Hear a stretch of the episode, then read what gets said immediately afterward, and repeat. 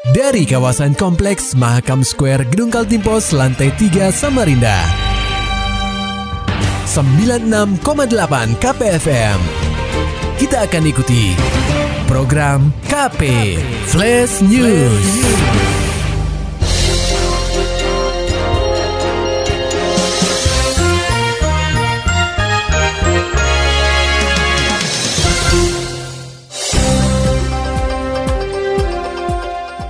Anda sedang menyimak program KP Flash News bersama saya Agung Pratama. Pria 36 tahun sebut saja brewok, tega menggauli remaja 14 tahun yang mengidap gangguan kognitif atau keterlambatan berpikir pada anak. Remaja itu sendiri tidak lain adalah tetangga brewok yang saat kejadian sedang mengontrak di kawasan Palaran. Perkenalan antara brewok dengan korban bermula saat ia sering melihat perempuan bertubuh bongsor itu di sebuah warung tak jauh dari kediamannya pada 6 Juni lalu. Terpesona dengan paras korban, Brewok mengajak remaja 14 tahun itu untuk saling bertukar nomor handphone. Ketika pelaku menghubungi nomor pemberian korban ternyata tersambung ke handphone dari ayah remaja itu. Lantas, sang ayah memperingati Brewok agar tidak mendekati anaknya yang mengidap keterlambatan berpikir.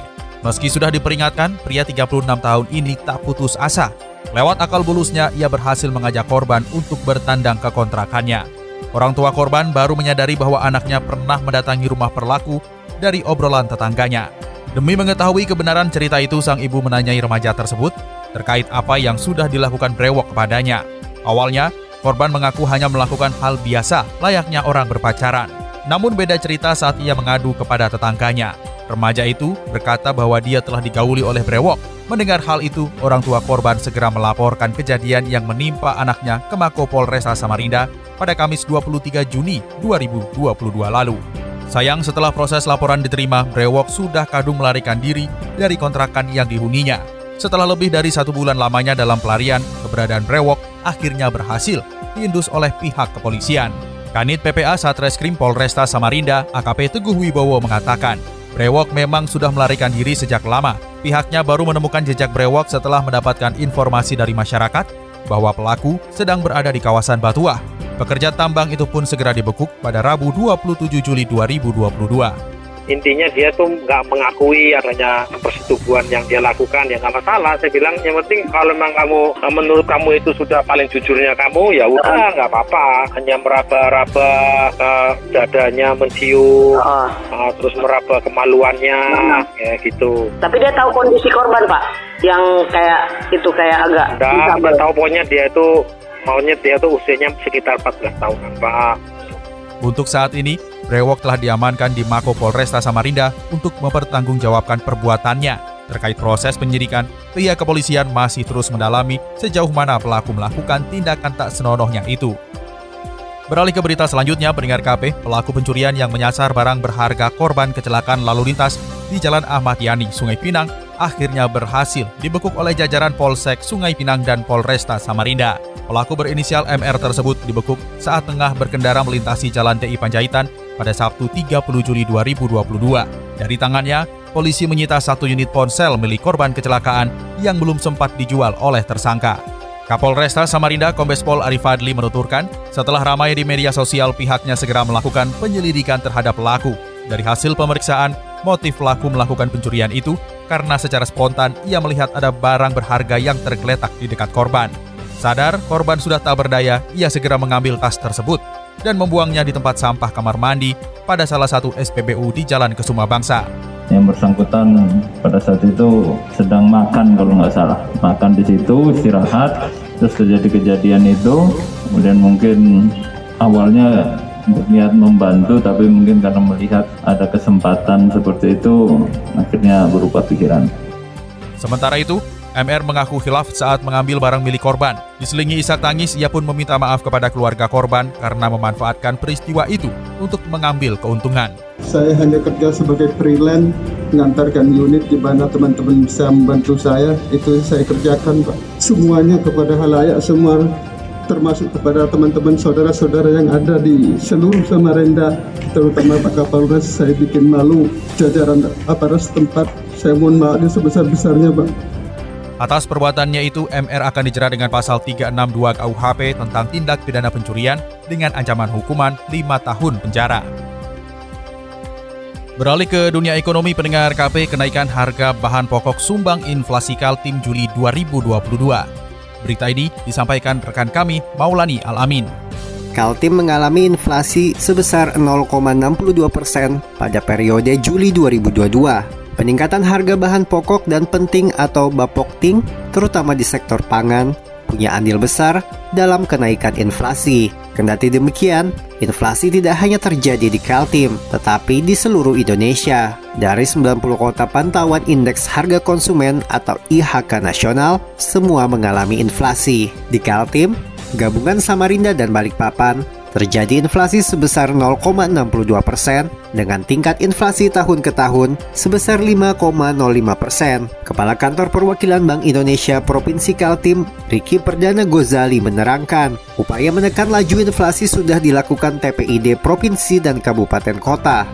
Inflasi tahun 2022 memang diperkirakan tetap berada pada rentang 3,59 sampai 4,39 persen tahun ke tahun. Hal ini seiring dengan menggeliatnya aktivitas masyarakat dalam masa pemulihan ekonomi penanganan COVID-19.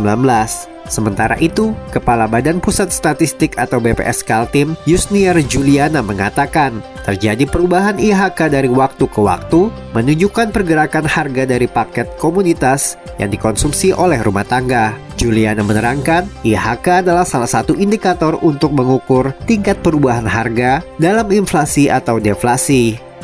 Apabila dilihat menurut komoditasnya pada bulan Juli 2022 di Kalimantan Timur, tercatat 5 komoditas utama yang memberikan andil positif terhadap inflasi, yakni bawang merah, angkutan udara, cabai rawit, mobil, dan ikan layang atau ikan benggol.